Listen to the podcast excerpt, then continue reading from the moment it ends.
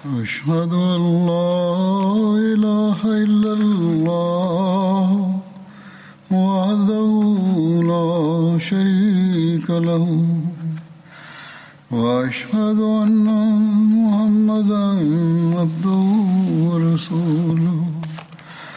أما بعد فأعوذ بالله من الشيطان الرجيم. بسم الله الرحمن الرحيم.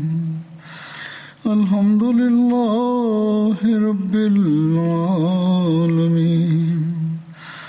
الرحمن الرحيم. مالك يوم الدين. إياك نعبد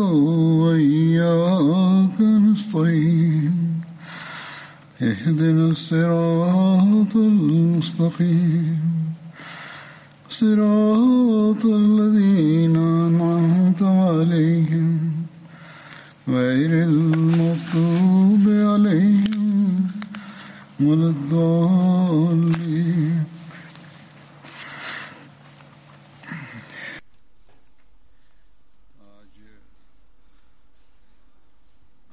Danas ću sa Hazreti Alijem početi seriju Hulafa Ar-Rashidin.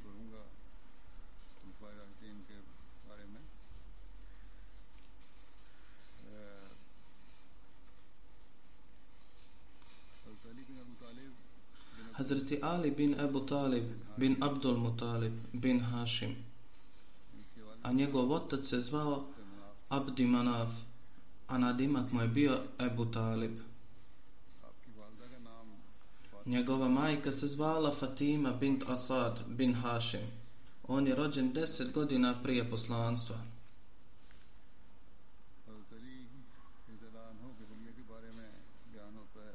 Prenosi se o njegovom izgledu da je, bi, da je Hazreti Ali bio srednje visine. Imao je crne oči, tijelo punije, a ramena široka.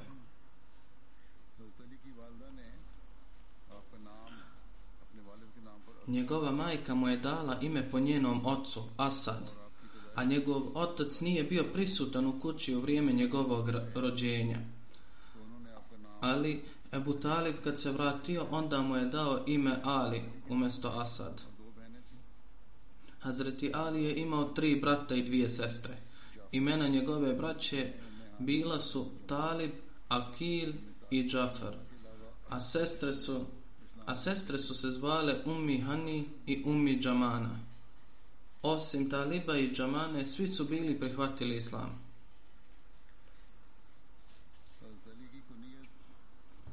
Nadimci Hazreti Alija su bili Abul Hasan, Abu Sabdin i Abu Turab.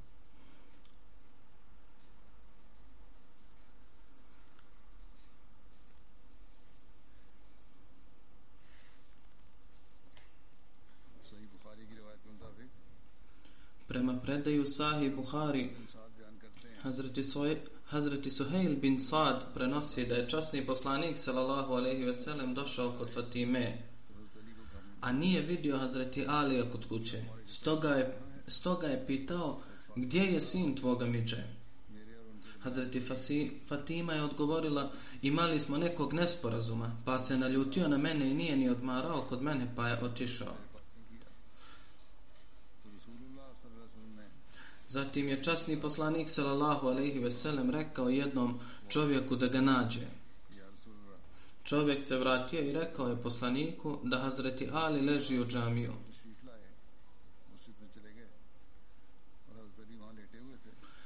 Časni poslanik sallallahu alejhi ve sellem je otišao u džamiju, a Hazreti Ali radijallahu anhu je ležao u džamiji. Čaršaf mu je bio skinut s boka, a na leđa je bilo malo prašine, odnosno zemlje. Poslanik sallallahu alejhi ve sellem je istresao, istresao prašinu sa leđa i rekao je: "Ustani o Ebu Turab, ustani o Ebu Turab." Od tad je dobio nadimak Abu Turab.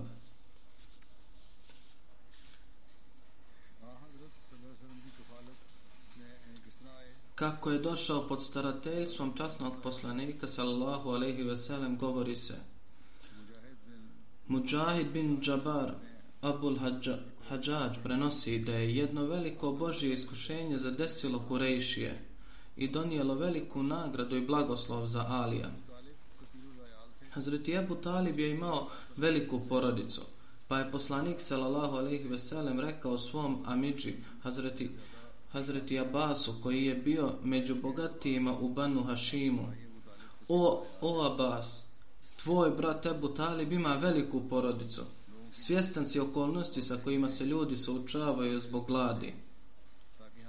Pođi sa mnom da bi mu malo olakšali teret. Poslanik sallallahu alejhi ve sellem je rekao: "Ja ću uzeti jednog od njegovih sinova, a ti uzmi jednog." Pa tako zajedno možemo dovoljno olakšati Ebu Talibu. Hazreti Abbas je pristao na to, pa su obojica otišli kod Ebu Taliba i rekli su mu da mi možemo da te malo rasteretimo dok se ne promijeni stanje sa kojim se ljudi suočavaju. Hazreti Ebu Talib je rekao, ostavite Akila kod mene, a ostalo vi radite kako hoćete.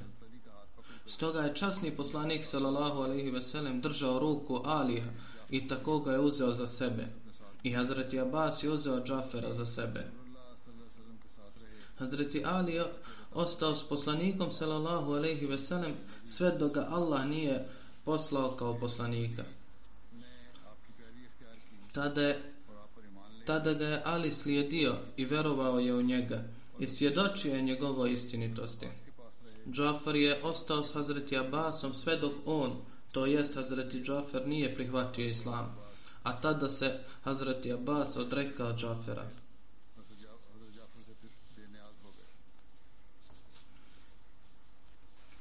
Ovo je bilo iz historije Tibrija.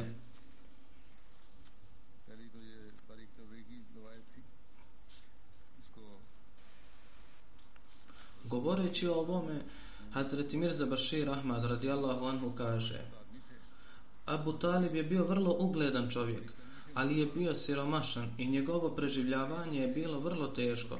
Naročito u ono vrijeme kad je u Mekki vladala glad. Njegovi su dani bili vrlo teški. Kada je poslanik sallallahu alejhi ve sellem vidio svog amidžu u nevolji, jednog dana rekao je svom drugom amidži, Abbas, amidža, život tvog brata Abu Taliba je težak. Bilo bi dobro ako ti uzmeš jedan, jednog od njegovih sinova kod sebe, a ja ću jednog.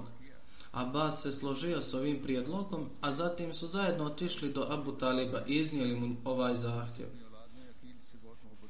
Među svojom djecom on je jako volio Akila. Rekao je, ostavite Akila kod mene, a ostalo uzmite ako želite.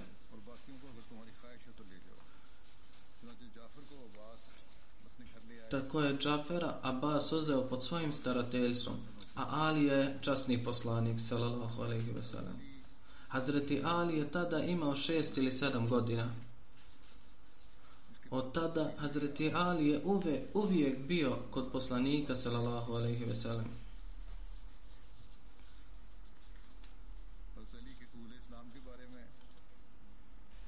Ibni Ibn Išak prenosio prihvatanju islama Hazreti Alija da je kada je Hazreti Hatidža prihvatila islam i klanjala namaz sa poslanikom, odmah sljedeći dan je Hazreti Ali prihvatio islam.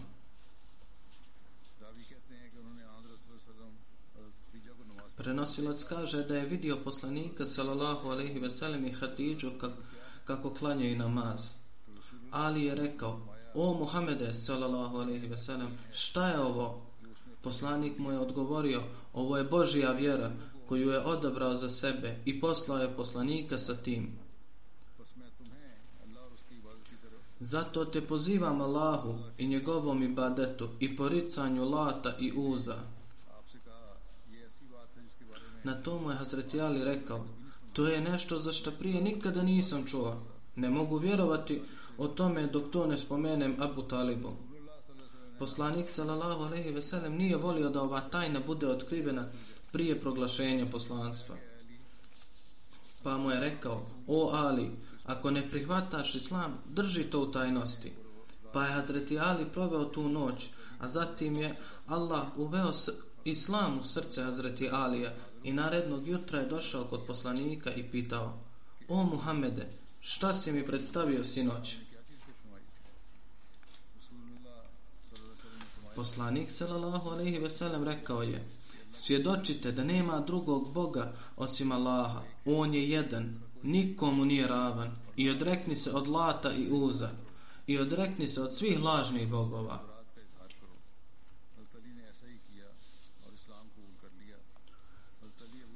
Hazreti Ali je to učinio i prešao na islam. Strahujući od Ebu Taliba, Ali je dolazio kod poslanika sallallahu alejhi ve sellem potajno a svoje prihvatanje islama je držao u tajnosti od drugih. Iako je kod poslanika živio, ali, ovo, ali ono ovako stoji u kazivanjima. Ovo je iz Usadul Gabe. Nakon Hazreti Hatice, Hazreti Ali je prvi prihvatio islam. Tada je on imao 13 godina. U drugim predajama se prenosi da je imao 15-16, a negde čak i 18 godina biograf. E, historičari su dotakli temu ko je od muškaraca prvi prihvatio islam. Da li je bio Hazreti Abu Bakr ili Ali ili Zaid? Neki nude rešenje da je od djece Hazreti Ali od odraslih Hazreti Abu Bakr a od sluga Hazreti Zaid. Hazreti Mirza Bashir Ahmad radijallahu anhu je također predstavio svoje mišljenje. On kaže Među historičarima, historičarima postoje nesloge oko osobe koja je prva prihvatila islam od, mus, od muškaraca poslije Hazreti Hatice. Neki kažu da je to bio Hazreti Abu Bekr Ab, Abdullah bin Abi Kahafa. Neki kažu da je to bio Hazreti Ali koji je tada imao samo 10 godina. A neki kažu da je to bio Hazreti Zaid bin Harsa koji je bio oslobođeni rob časnog poslanika sallallahu alejhi ve sellem ali prema meni ovo je besmislena rasprava. Hazreti Ali i Zaid bin Harsa su bili članovi porodice časnog poslanika i živjeli su kod njega kao njegova djeca. Čim je poslanik sallallahu alejhi ve sellem govorio, oni su to vjerovali, čak za njih nije bilo potrebno usmeno izjašnjenje. Zato nema potrebe da se oni spominju u ovom kontekstu. Znači, čim im je poslanik sallallahu alejhi ve sellem govorio, Oni su vjerovali i bez ikakve razlike ovo se podrazumijeva da im nije bilo potrebno usmeno izjašnjenje. Zato nema potrebe da se spominju njihova imena u ovom kontekstu.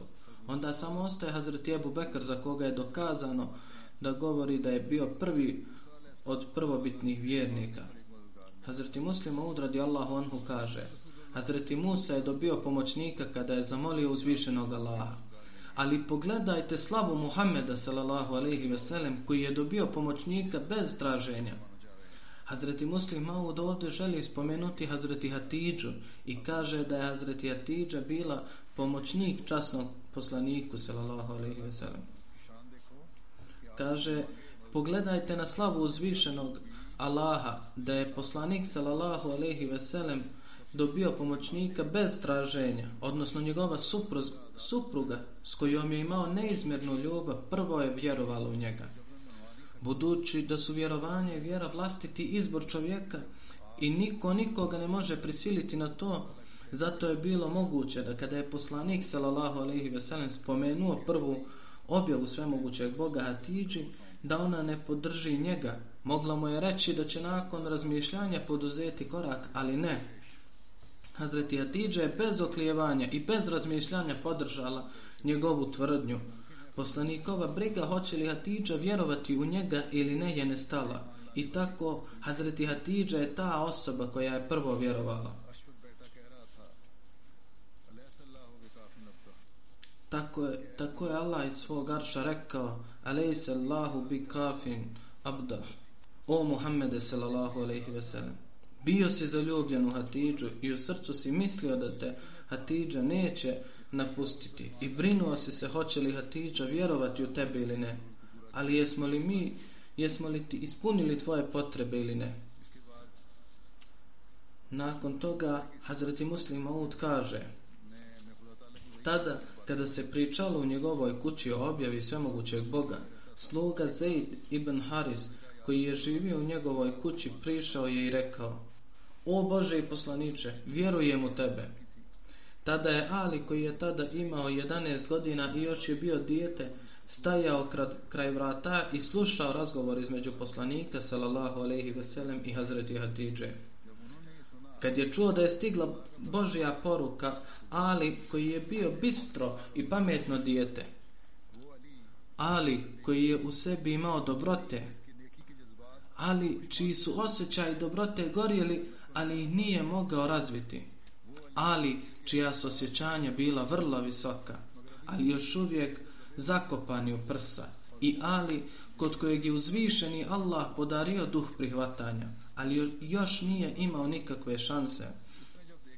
Kad je vidio da je sada vrijeme da izrazi svoje emocije, kad je vidio da je sada trenutak da razvije svoja osjećanja, kad je vidio da, da ga sada Bog poziva k sebi, onda dijete Ali u stanju duboke uznemirenosti je nervozno i stidljivo krenulo naprijed i rekao O Allahov poslaniće, ja vjerujem u ono u što je vjerovala moja tetka i u što je vjerovao Zaid.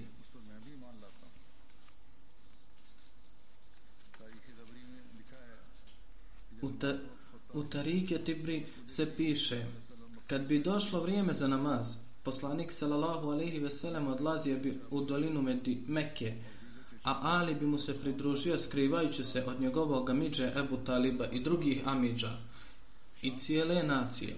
I obojica bi tamo obavljali namaz i vraćali se na večer. To se nastavilo ovako. Tada je jednog dana Ebu Talib vidio kako obojica obavljaju namaz i pitao Allahovog poslanika o moj bratiću koja je to vjera koju vidim da slijediš? Časni poslanik sallallahu alejhi ve sellem je rekao moj amidža ovo je božja vjera i vjera njegovih meleka i poslanika i vjera njegovog odnosno vjera našeg oca Ibrahima. Ili slično tome je nešto rekao. Također je rekao sa time me Allah poslao ljudima. O moj amidža ti najviše zaslužuješ da te ovim uputim i da, i da te pozivam kao ovom putu. I ti imaš najveću odgovornost da me prihvatiš i da mi pomažeš ili slično tome je rekao. Abu Talib je rekao o moj nečak nemam snage napustiti vjeru svoju i svojih predaka i ono na čemu su bili. Ali tako mi Allaha dok god budem živ ništa što se tebi ne sviđa neće te stići. Hazreti Mirza Bashir Ahmad radijallahu anhu je na sljedeći način pranio ovaj događaj. On kaže, jednom su časni poslanik i Hazreti Ali obavljali namaz u dolini Mekke, kad je iznenada prošao Abu Talib. Abu Talib još nije znao za islam, pa je ustao i začuđujući gledao ovo. Kada je poslanik sallallahu alejhi ve sellem završio s namazom, pitao je: "Nečače, nečače, koju si vjeru usvojio?" Časni poslanik sallallahu alejhi ve sellem je odgovorio: "Amidža, ovo je Allahova vjera i vjera Ibrahimova." I poslanik sallallahu alejhi ve sellem je detaljno predstavio poruku islama Ebu Talibu. Ali Ebu Talib je ovo odbio pod izgovorom da ne može ostaviti vjeru svojih predaka ali obraćajući se, obraćajući se svom sinu Aliju je rekao sine budi uz Muhameda sallallahu alaihi ve sellem jer siguran sam da će on tebe pozivati samo prema dobru.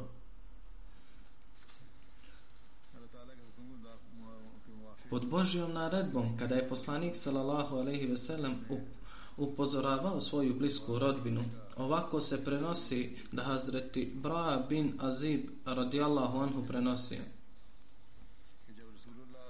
kada je poslanik sallallahu alejhi ve sellem primio sljedeći ajet. Vanzir ashira katal akrabin i upozori svoju najbližu rodbinu.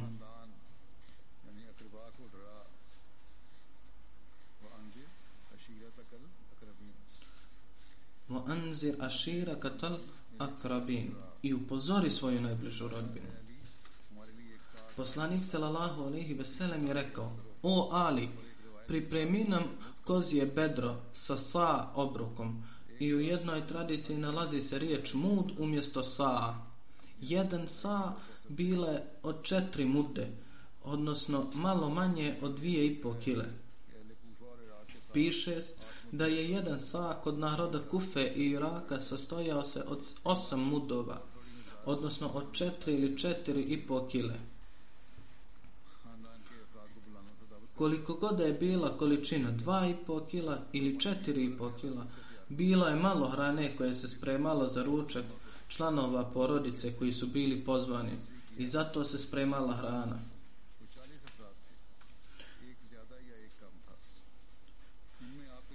I spremi za nas jednu veliku šolju mlijeka i skupi porodicu Benu Abdul Muta, Mutaliba. Hazreti Ali kaže, to sam i učinio. Okupilo se četrdesetak ljudi, jedan više ili jedan manje. Među njima su bili i njegovi Amidža Ebu Talib i Hamza i Abbas i Abu Lahab. Predstavio sam im veliku zdjelu s hranom, a Allahov poslanik sallallahu alejhi ve sellem uzeo od njega komad mesa, posjekao ga zubima i rasuo po posudi da ga blagoslovi. I rekao, jedite sa Allahovim imenom. I ljudi su jeli dok nisu postali siti. Tako mi Allaha, samo je jedan čovjek mogao jesti ono što sam svima njima ponudio. Poslanik sallallahu alejhi ve sellem je rekao: "Dajte ljudima piće." Pa sam im donio šalicu mlijeka, a oni su pili dok se svi nisu zasitili. Tako mi Allaha samo je jedan od njih mogao to piti sve. Tada kada je poslanik sallallahu alejhi ve sellem namjeravao razgovarati sa prisutnima, Abu Lahab je poru, požurio da govori i rekao: "Pogledajte kako vas kako je vaš saputnik učio sihir nad vama." Tada su se razišli Allahov poslanik sallallahu alejhi ve sellem nije mogao razgovarati sa njima. Sutradan je poslanik sallallahu alejhi ve sellem rekao: "O Ali, spremi istu hranu i piće koje si pripremio juče." Učinio sam to isto, a zatim ih okupio. Poslanik sallallahu alejhi ve sellem učinio je isto kao i juče, odnosno blagoslovi, blagoslovio je hranu. Tada su jeli i pili dok se nisu zasitili. Tada je poslanik sallallahu alejhi ve sellem rekao: "O Banu Abdul Muttalib, ja ne poznajem ni jednog mladića u Arabiji koji je svom narodu donio nešto bolje od onoga što sam ja donio vama. Donio sam za vas stvar ovoga i onoga svijeta." Tada je rekao: "Ko će mi pomoći u ovo vrijeme?" Hazreti Ali kaže da su svi ljudi o tome šutjeli i ja sam rekao: "O Boži poslanice, uprkos činjenici da sam najmlađi od svih, ja ću biti tvoj pomoćnik. Hazreti Mirza Bashir Ahmad radijallahu anhu u Sirat Hataman Nebin je zabelježio ovaj događaj na sljedeći način. Poslanik sallallahu alejhi ve sellem rekao je Aliju da organizuje ručak i pozove Banu Ab Abdul Mutalib kako bi im se mogla prenijeti poruka istine. Tada je Hazreti Ali organizovao ručak i poslanik sallallahu alejhi ve sellem pozvao je svu svoju blisku rodbinu koja je u to vrijeme imala 40 ljudi. Kada su završili sjelom poslanik sallallahu alejhi ve sellem je htio započeti govor, ali nesretni Abu Lahab je rekao nešto što je sve rastiralo. Na to je časni poslanik rekao Hazreti Aliju da je ta prilika nestala i da, tada, i da sada ponovo organizira ručak. Tada su se njegovi rođaci ponovo okupili i on im se obratio na sljedeći način. O, Benu Abdul Mutalib, donio sam vam stvar da niko nije donio bolju stvar svom plemenu. Pozivam vas k Bogu. Ako me poslušate, naslijedit ćete najbolje blagoslove vjere i svijeta. A sada mi recite, ko će biti moj pomoćnik u ovom poslu? Svi su šutjeli. Vladala je potpuna tišina. Odjednom, s jedne strane, mršavi 13-godišnjak, dječak u suzama u očima, ustao je i počeo je govoriti. Iako sam najslabiji i najmlađi od svih, ali podržat ću vas. Ovo je bio glas Azretijalija. Kada je poslanik sallallahu alaihi veselem čuo takve riječi od Hazretijalija, Alija, rekao je svojim rođacima, ako ste pametni, poslušajte ovog dječaka i slijedite to. prisutni su umjesto pouke počeli smijavati i Ebu Lehab je rekao svome starom bratu vidi sada, sada Muhammed ti naređuje da slijediš svoga sina i tako ovi ljudi smijavajući na slabost Islama i poslanika su otišli.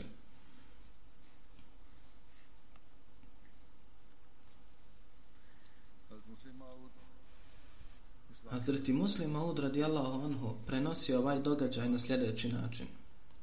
Ovo je događaj oko Hazreti Alija. On je također imao 11 godina.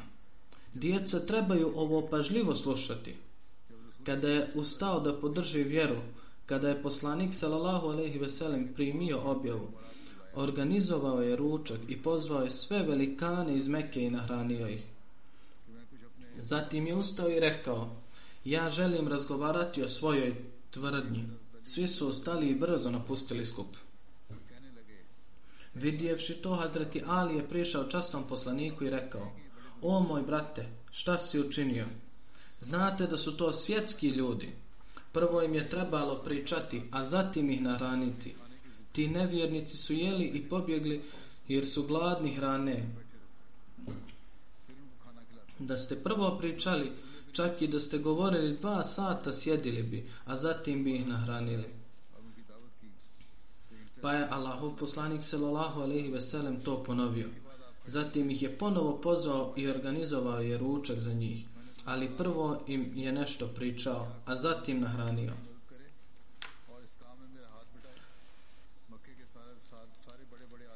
Znači, poslanik sallallahu alejhi ve sellem je ustao i rekao je: "O narode, ja sam vam pričao Božiju poruku. Ima li koga od vas koji mi može pomoći i pomoći mi u ovom poslu? Svi velikani Mekke su sjeli. Samo je Hazreti Ali ustao i rekao, o moj Amidžiću, pomoći ću ti ja. Poslanik sallallahu alaihi ve sellem je vidio da je ovo dijete, pa ponovo je ustao i rekao, o narode, ima li koga od vas da mi pomogne? Opet svi stariji su sjedili i ovo dijete sa 11 godina je ustalo i rekao je, o moj Amidžiću, ja sam tu da ti pomognem. Poslanik sallallahu alejhi ve sellem je shvatio da je kod Boga jedini hrabar čovjek ovo dijete sa 11 godina. Zapravo, a svi ostali odrasli su djeca koja nemaju nikakve snage. Samo je ovaj dječak mudar. Znači, poslanik sallallahu alejhi ve sellem ga je računao sa sobom i on je taj isti Ali koji je bio uz poslanika do kraja. Bio je njegov halifa poslije njega i ojačao je vjeru. Također je Allah mu podario pobožno potomstvo i među njima su se rodili imami do 12 generacija. Hazreti Muslim Maud radi Allahu anhu na jednom mjestu o Hazreti Aliju kaže Kada je Hazreti Ali vjerovao još je bio dijete i vjerovao je sa uvjerenjem da zbog Islama mora trpiti sve vrste patnji. Bio je dijete, ali shvatio je da nakon vjerovanja morat će položiti žrtvovanje, čak ako bude potrebno, morat će dati svoj život na Allahovom putu. Prema hadisima poslanik sallallahu alejhi ve sellem u početnim danima svog poslanstva organizovao je ručak na kojem je pozvao Benu Abdul Mutalib pleme da im prenese poruku istine pa su mnogi njegovi rođaci došli na ručak. Kad su svi ljudi završili sjelom, poslanik je ustao i htio je održati govor, ali Ebu Lehab je, ih je rastjerao i, ot, i otišli su svojim kućama ne slušajući njega. On je bio jako iznenađen da kako su ovi ljudi čudni da čak nakon obezbjeđenja ruč, ručka nisu spremni da ga slu, saslušaju. Ali nije bio razočaran. Umjesto toga rekao je Aliju da ih ponovo pozove. Tako su svi opet bili pozvani. Kad su se zasitili od jela poslanik je ustao i rekao je kakvu vam je veliku uslugu Allah ukazao što je poslao svog poslanika među vas. Zovem vas Bogu, ako ćete me slušati, naslijedit ćete vjerske i obozemaljske blagoslove.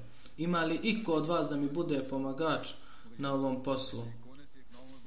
Čuvši to, potpuna tišina je vladala nad skupinom, ali iznenada je tinejdžer izletio iz ugla i rekao Iako sam najslabija osoba i najmlađi, podržat ću vas.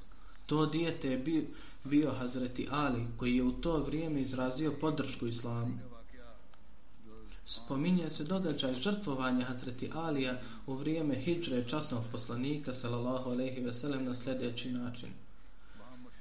Kada su se Mekanlije savjetovali jedni s drugima i dogovorili se da će napasti kuću poslanika sallallahu alejhi ve sellem kako bi ga zatvorili ili ubili, Božja objava je obavijestila poslanika o ovom planu neprijatelja. Uzvišeni Allah ga je Al, al, uzvišeni Allah mu je naredio da migrira u Medinu, pa se pripremio za hijđret i naredio je Hazreti Aliju da večeras legne u krevet časnog poslanika sallallahu alejhi ve sellem. Hazreti Ali je noć proveo u istoj crvenoj haljini poslanika u kojoj je on znao spavati.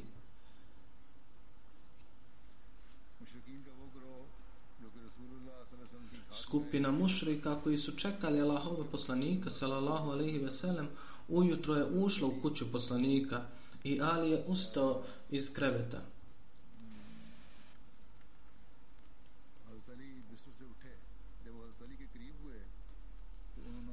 Kad su se ljudi približavali, ali oni su ga prepoznali i pitali gdje ti je drug, odnosno pitali su o poslaniku, sallallahu alaihi ve sellem. Hazreti Ali je rekao, ja ne znam da li sam bio nad njim. Vi ste mu rekli da izađe iz Mekke, pa je on otišao. Mušrici su ga naružili, čak su ga tukli i doveli ga do Kabe i zarobili ga za neko vrijeme i zatim su ga pustili.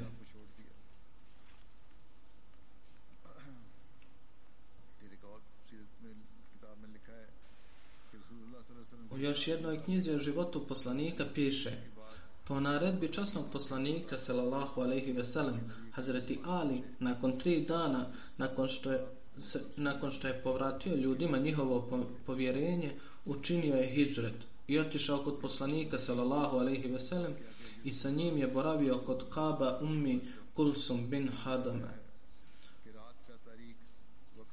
U Sirat Hatama Nabin ovaj događaj, odnosno događaj tokom hijđreta se spominje na sljedeći način. Bila je mračna noć i tirani Kurejšije koji su pripadali različitim plemenima okupili su se oko kuće poslanika sallallahu alejhi ve sellem sa svojim krvavim namjerama i okolili su njegovu kuću i čekali za jutro ili ako on izađe iz kuće pa će ga napasti i ubiti.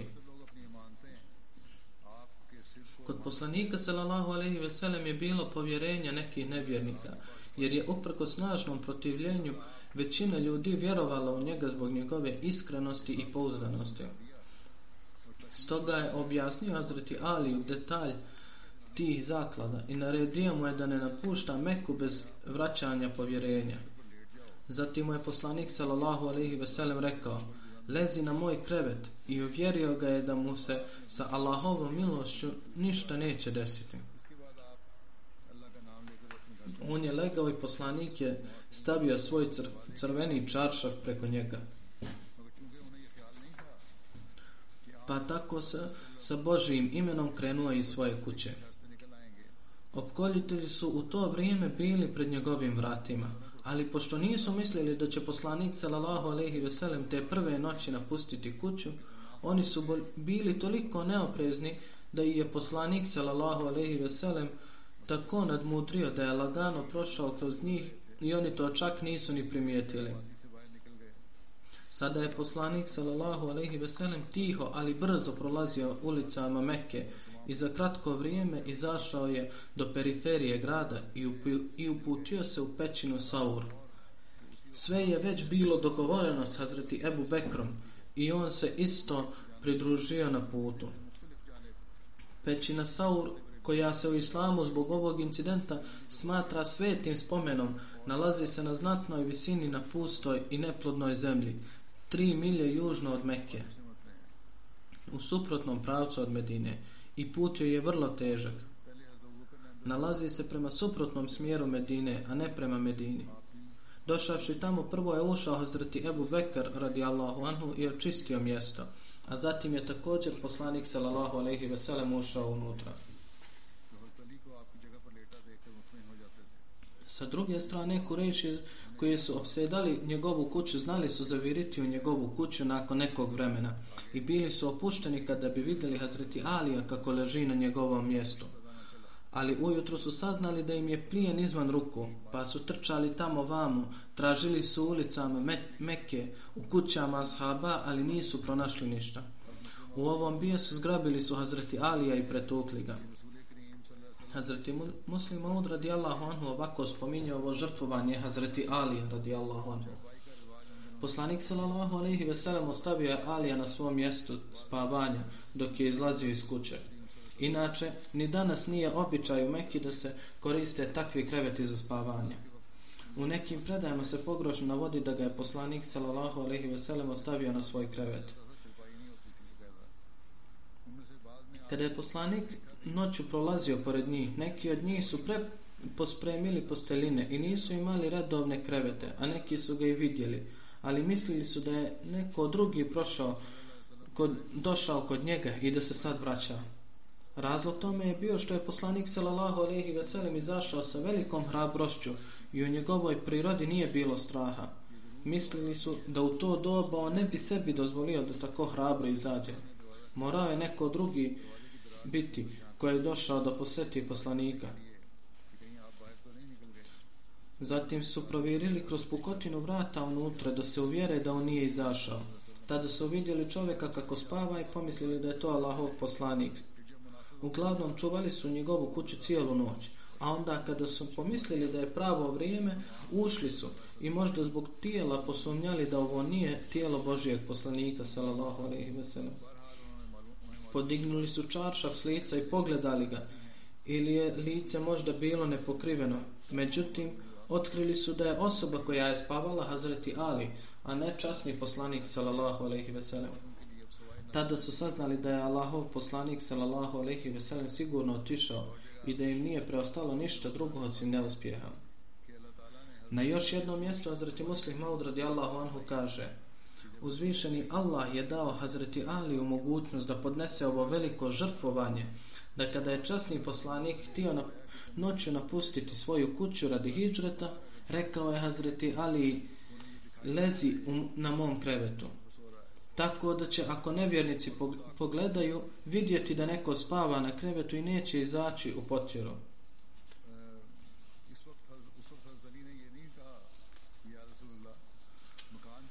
U to vrijeme Hazreti Ali nije rekao da o Bože i poslaniče odabrana omladina Kurejšija stoji oko kuće s mačevima u rukama.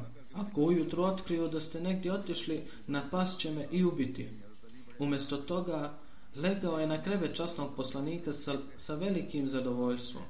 Odnosno, Hazreti Ali sa velikim zadovoljstvom. I poslanik sallallahu alejhi ve sellem ga je pokrio sa svojim čaršafom. Ujutru Kurejšije su vidjeli vidjeli da je Hazreti Ali ustao iz svog kreveta umjesto Muhammeda, Allahovog poslanika, sallallahu alaihi ve sellem, istisnuli su zube zbog njihovog neuspjeha, izgrabili Hazreti Alija i pretukli ga, ali šta bi, moglo, šta bi oni mogli postići sa tim? Božije riječi su se obistinile i Muhammed sallallahu alaihi ve sellem sigurno je izašao iz, iz Mekke.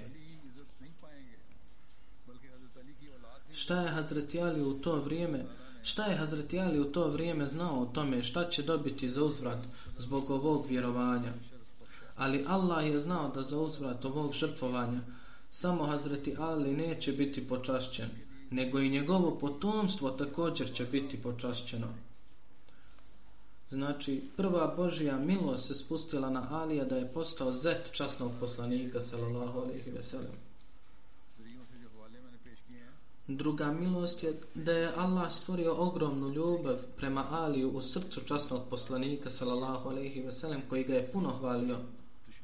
Uglavnom, ovo je isti događaj kojeg sam predstavio sa više izvora. Događaj je isti, ali ga predstavljam iz više aspekata s razlogom, kako bi se iz raznih tumačenja saznale nove informacije i nove tačke i pojavi se više detalja oko toga zhaba u kontekstu Hazreti Alija saznali smo iz raznih aspekt, aspekata njegove ličnosti također odnos časnog poslanika sallallahu alejhi ve sellem prema ashabima pa zato ponekad se čini da, da se ista referenca predstavlja u više mjesta ali zapravo način bude drugačiji zato i predstavim i ovdje također kako smo saznali o Hazreti Aliju. Sada predstavljam Hazreti Alija i dalje ću ga predstavljati, inša Allah. Sad ću pričati o nekim umrlima čije dženaze će se, ću također voditi. Od njih prvi je doktor Tahir Mahmud Shahid ibn Tariq Mahmud in Mazah Baluča, distrikti Nankana. Njegovi su neprijatelji Njega su neprijatelji Ahmedijata posle džume namaza 20. novembra pucnjem ubili. Inna lillahi wa inna ilaihi rađion. Prema detaljima, 20. novembra Rahmetli Šahid je sa svojim ocem Tarik Mahmudom i ostalim članovima porodice okupio se kod svog amidže Muhameda Hafiza za džumu. Nakon džuma namaza, kada su krenuli kući oko pola dva, 16-godišnjak po imenu Mehd, koji je bio na ulici, bio je naoružan pištoljem i pucao je i na licu mjesta doktor Tahir Mahmud je postao šehid. Inna lillahi wa inna ilaihi rađunu. Rahmetli šehid je, šehid je imao 31 godinu. U ovom napadu otac šehida Tahir Mahmud koji ima 55 i koji je sek sekretar za financije i bivši predsjednik ustrijeljen je metkom u glavu i teško je ranjen i još uvijek se nalazi na liječenju u bolnici. Dok je Amidža šehida Said Ahmad Maksud star 60 godina i predsjednik džamati taj i Taib Mahmud Zaim Hudamul, Zaim Hudamul ah, Ahmedija mladić od 26 godina su povrijeđeni u pucnjevi i neko vrijeme su ostali u bolnici zbog liječenja. Oni su u prilično boljem stanju, ali otac šehida je u kritičnom stanju. Napadač je ispalio dva šaržera, a treći je punio kada je bio uhvaćen. Međutim, tamo je sada započeo novi val neprijateljstva, nagovarajući dječake za napade, kako bi kasnije mogli na sudu reći da nije punoljetan i da kaznu treba smanjiti ili kaznu ublažiti ili ga potpuno osloboditi. Znači, sada isprobavaju razne načine, a naročito kažu mi nemamo ništa protiv, ne činimo nasilje, ne stvaramo teškoće za Ahmedije, ali sa druge stal, strane stalno imamo šehida i neki nadležni nepravilno podig, podignu optužbu. Neka im Allah podari pamet, a u suprotnom slučaju neka je Allah lično kazni.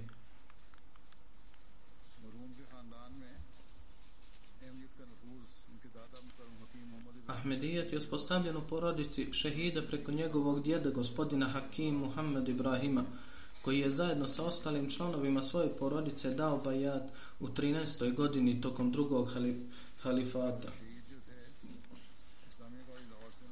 Rahmetli šehid je završio svoj FSC na Islamija College u Lahoru i nakon toga u Moskvi je završio MBBS i ovih dana pripremao je za ispite za PMC. Također je radio u Fazli Umar bolnici. Rahmetli Šehid je posjedovao bezbrojne dobre osobine i imao je ogromnu ljubav prema halifatu. Imao je veliko poštovanje prema džematskim službenicima i centralnim gostima. Kad god bi ga pitali za posao džemata, odmah bi bio spreman za to imao je priliku da služi kao kod Kaida Hudamu Lahmedija. Nekoliko puta je svojim automobilom vodio pacijente u bolnicu. Uvijek je bio među prvima za služenje i imao je dobar odnos sa Neahmedima. Mnogi poš, pošteni Neahmedi ljudi su izrazili saučešće zbog ovog incidenta. Dugo je ova porodica morala trpjeti žestoko protivljenje. 1974. neprijatelji su zapalili prodavnicu djeda ovog šehida. Njegov otac je u 2006. godini bio žrtva njihovog brutalnog napada. Prije nekoliko dana, jedan anti-Ahmedi pljunuo je oca šehida dok je prolazio kroz čaršiju. Znači, oni su se već neprekidno suočavali sa ovakvim problemima, ali oni su tamo bili odlučni. Sadakat Ahmad, imam u San Peterburgu, piše On je jedan veliki dio svog studentskog života proveo u Kazanu, Tataristanu u Rusiji i vratio se u Pakistanu kao uspješan doktor. Kaže, doktor Tahir Mahmud je imao jako iskrenu vezu sa džematom tokom studiranja. Bio je jako redovan na, džumi, na džumu i u davanju članarine. I također, uprko što je u, u, njegovom, u njegov dom bilo nekoliko, bio daleko od džematskog centra, redovno je učestvovao u džematskim programima. Kaže da je bio među najboljim i najinteligentnijim studentima u svojoj grupi. Jezik obrazovnog sistema je bio engleski, ali zbog svog vlastitog interesa je dobro savladao ruski. Ukazano u studentskom domu gdje je stanovao, svima je rekao da je on Ahmedi i zato je imao velike probleme jer su tamo bili i pakistanski studenti koji su bili protivnici džemata. Ali kada god je imao priliku, prenio bi im poruku džemata.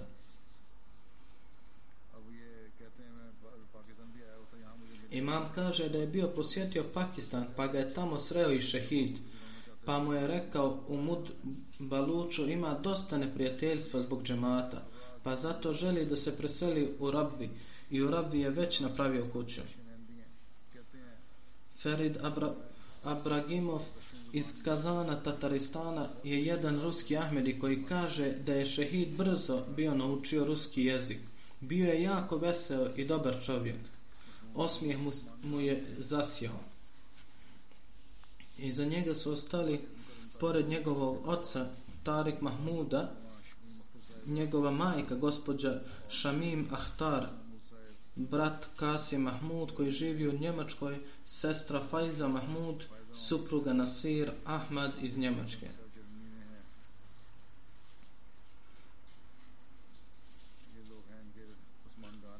Ovi ljudi su ostali iza njega. Neka Allah uzdigne položaj šehida, podari mu visoko mjesto u Dženetul Firdaus. Oni ljudi koji su ranjeni, neka im Allah podari zdravlje i brzo porab i neka ih čuva od svake vrste komplikacije. Neka njegove bliske osobe stalno svo, obasipa svojom milošću i blagošću. Sljedeća džanaza je od gospodina Džemaludina Mahmuda koji je bio generalni sekretar Sierra Lona. 3. novembra je preselio od srčanog odora. Inna lillahi wa inna lihi rađiun. Rahmetli je posljednjih 16 godina bio na mjestu generalnog sekretara. Sa Božijom milošću bio je Musi. Saidur Rahman sahib, glavni misionar, piše da je među mnogim drugim vrlinama jedna od njegovih velikih vrlina bila i ta što je bio praktični primjer stvaranja porodice, spašavanje Mahmedija iz cijelog svijeta od nacionalizma. Radio je s velikom mudrošću i iskrenošću. Oko 2000 ljudi prisustvovalo je njegovim dženazama iz, njeg, iz sahrani. Njegovoj dženazi i sahrani. Tom prilikom prisustvovalo je na desetke visokih vladini zvaničnika, uključujući dva vladina ministra, načelnika generalštaba vojske Sierra Leone, nekoliko članova parlamenta, šefova, paramonta i drugih. Sekretar Nusra Jahan Mubarak Tahir sahib piše da je Rahmetlija bio iskreni i odan sluga džemata i sa srcem je radio za džemate. I već niz dugih godina je služio kao generalni sekretar i također je bio pomoćnik e, menadžera Ahmedije printing presa. Rahmetli je bio rođen u Gani. Hazreti Maulana Nazir Ahmed Mubashir Saib poslao je njegovog oca Muharama Ibrahima Kodžava Mahmud Saiba u Sierra Londa da služi na polju obrazovanja. Mubarik Tahir piše Gospodin Džamal je 13 godina bio boravio kod njega i u, u Rokopur jer, jer ga je njegov otac ostavio da se školuje. Bio je pobožan od početka i bio je među prvima na namaz sa džematom i u drugim džematskim poslovima. Nastavio je širiti poruku zajedno s Hudamom u Rokopuru. Usman Talije iz Rakib Press Sierra Leone kaže Džemaludin Mahmud Sahib bio je na čelu dugo prije mene. Ja sam s njim proveo 12 godina, a za to vrijeme nikada nije rekao da sam mlađi ili neiskusniji od njega, već se uvijek prema meni odnosio s poštovanjem i rekao je da sam misionar. Halifa me poslao tamo i nikad se nije desilo da nije bio pokoran meni. Bio je pun sa poslušnošću i poniznošću, A ako bi se ikad od njega zatražilo da nešto učini, odmah bi to odmah bi započeo i potrudio se da to završi. Kaže da sam od njega puno naučio u tom periodu. Bio je redovan na tahadžud namazu. Također je vodio brigu o namazu sa džematom. Njegov namaz je bio pun ljepote i čovjek bi se divio tome da je uvijek sa skromnošću i poniznošću lagano obavljao svoj namaz. Imao je veliku ljubav prema halifatu i svaku hudbu je slušao sa poštovanjem. Zatim piše da je prema kulturi Sierra Leone Jamal Sahib držao mnogo djece u svojoj kući i školovao ih je o svom trošku.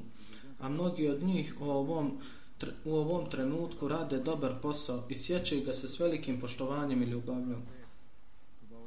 Na vid Kamar Sahib Murabi piše uvijek je sudjelovao u džematskim projektima u ime svoj, svojih roditelja i drugih starijih ljudi porodice on se dodatno žrtvovao za tahriki džadidi vakvi džadidi.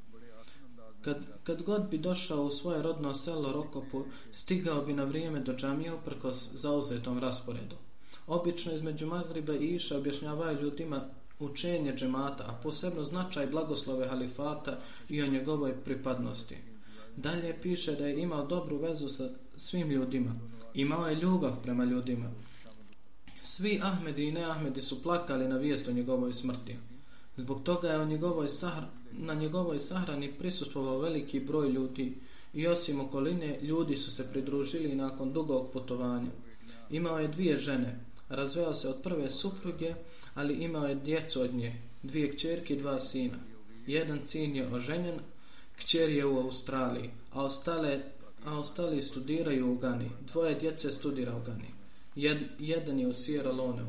Iz drugog braka nema djece. Uglavnom, da mu Allah oprosti i podari mu milost i uveća njegov položaj u dženetu. Neka njegovoj djeci podari sposobnost da oni nastave njegova dobra djela. Sljedeća dženaza je Amtus Salama, supruga Čaudris Salahudina, bivšeg direktora imovine i savjetnika prava Rabve, koja je preselila 19. oktobra. Inna lillahi wa inna ilaihi rađion.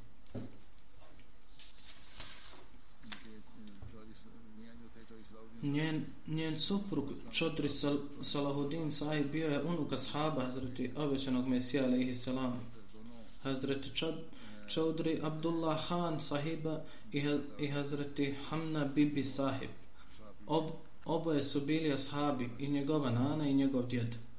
Njegov sin Naimuddin sahib piše da je jedna od stvari koje je koja, koja je njegova majka ostavila za njegovog života i to je neizbrisiv pečat je taj kako se brinula za njihov namaz.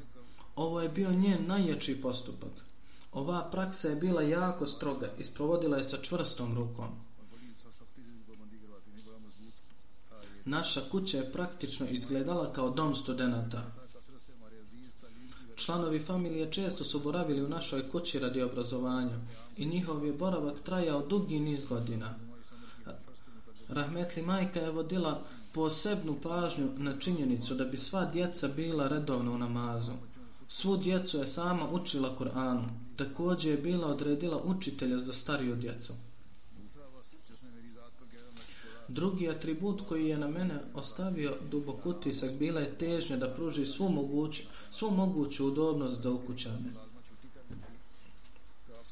Ako bi jednog dana radnica uzimala slobodan dan, nikada se nije postidjela da pranjem od dječe sve djece. Kako za svoju djecu, tako i za drugu. Ljudi sa majčine strane i sa očeve strane su redovno dolazili u rabvu. Češće, moj otac zbog džematskih obaveza nije pris, bio prisutan u rabvi. Moja majka bi ugostila sve goste i ne bi ostavila ni jedan manje gostoprinstva a ja sam bio najstariji sin, pa bi se ona brinula da se brinem o gostima kako treba i ne bi bilo nedostataka. Također kaže da su njegova prana Ana i nana češće bile kod njih za duži period. Mi smo sa Božijom milošću bili šestorica braća i sestara. I veliki broj djece iz porodice također je nekada boravio kod nas u svrhu obrazovanja. Ali uprko svim tim okolnostima, ona i dalje iz godine u godinu je na vrlo dobar način služila svake od ove tri stareš, starješine. Povodom Dželca Salane bez pretjerivanja bilo je 80 i 90 gostiju. Bili su postavljeni šatori za njihov smještaj i hrane u našoj kući. I dodatno se naručivale stvari sa sela za smještaj. Sve aranžmane napravili su i otac i majka zajedno sa velikom ljubavlju i srećom. I kolektivno svi rođaci su posebno istakli njezino gostoprinjstvo i ljubaznost.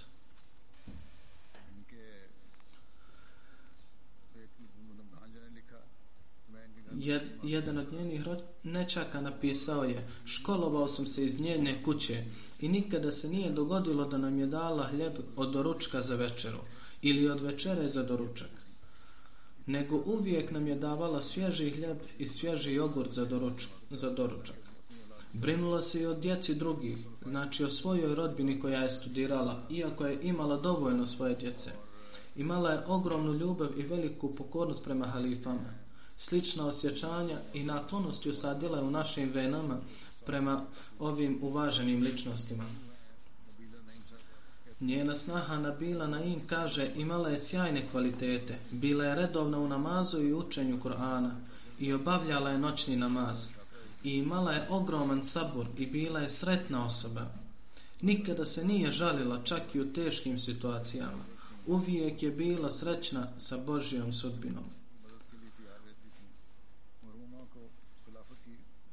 Uvijek je pomagala siromašnjima i nije mogla vidjeti nikoga u nevolji. U nevolji. Uvijek je bila spremna da im pomogne. Bila je među prvima u poslušnosti i odanosti halifi. Neka Allah učini da njena djeca i njeni potomci posjeduju ove osobine. Neka joj se Bog smiluje i podigne joj deređe.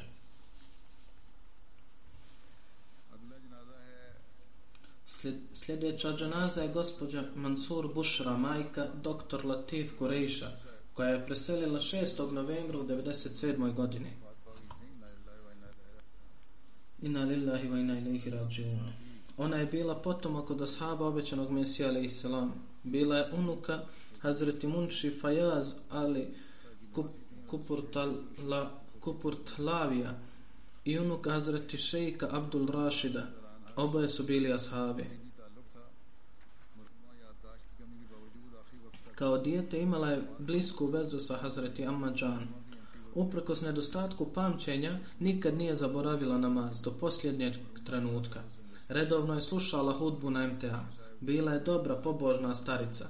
Bila je musi sa Božijom milošću. Kao što sam rekao, ona je bila majka doktor, doktoru Latifu Kurejšiju i doktor Latif Kurejši i njegova supruga koji su već preselili na Ahiret, ali dok su bili živi, oni su je služili i pazili. Ali uglavnom dok je ona bila živa, oni su preselili. Njena unuka Ismat Mirza piše, moja je nana bila istaknu, istinska vjernica i odana žena prema Ahmedijatu i Halifatu. Nisam vidjela osobu koja je više provodila svoj život u ibadetu i poštovala i voljela Kur'an od nje imala je tihu i jednostavnu prirodu. Neka joj se Allah smilo i podigne i deređe. Njima ću klanjati dženazu nakon džuma namaza, ako Bog da.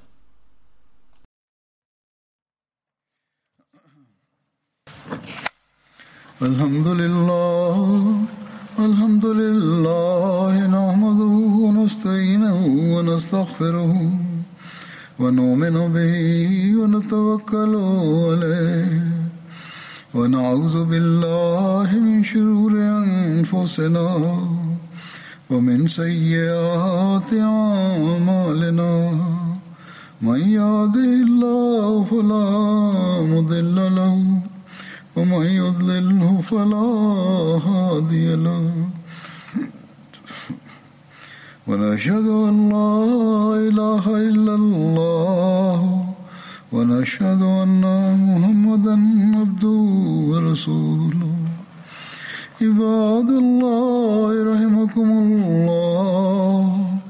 إن الله يأمر بالعدل واللسان وإيتاء ذي القربى وينهى عن الفحشاء والمنكر والبغي يعظكم لعلكم تذكرون. اذكروا الله يذكركم وادعوه يستجب لكم ولذكر الله أكبر.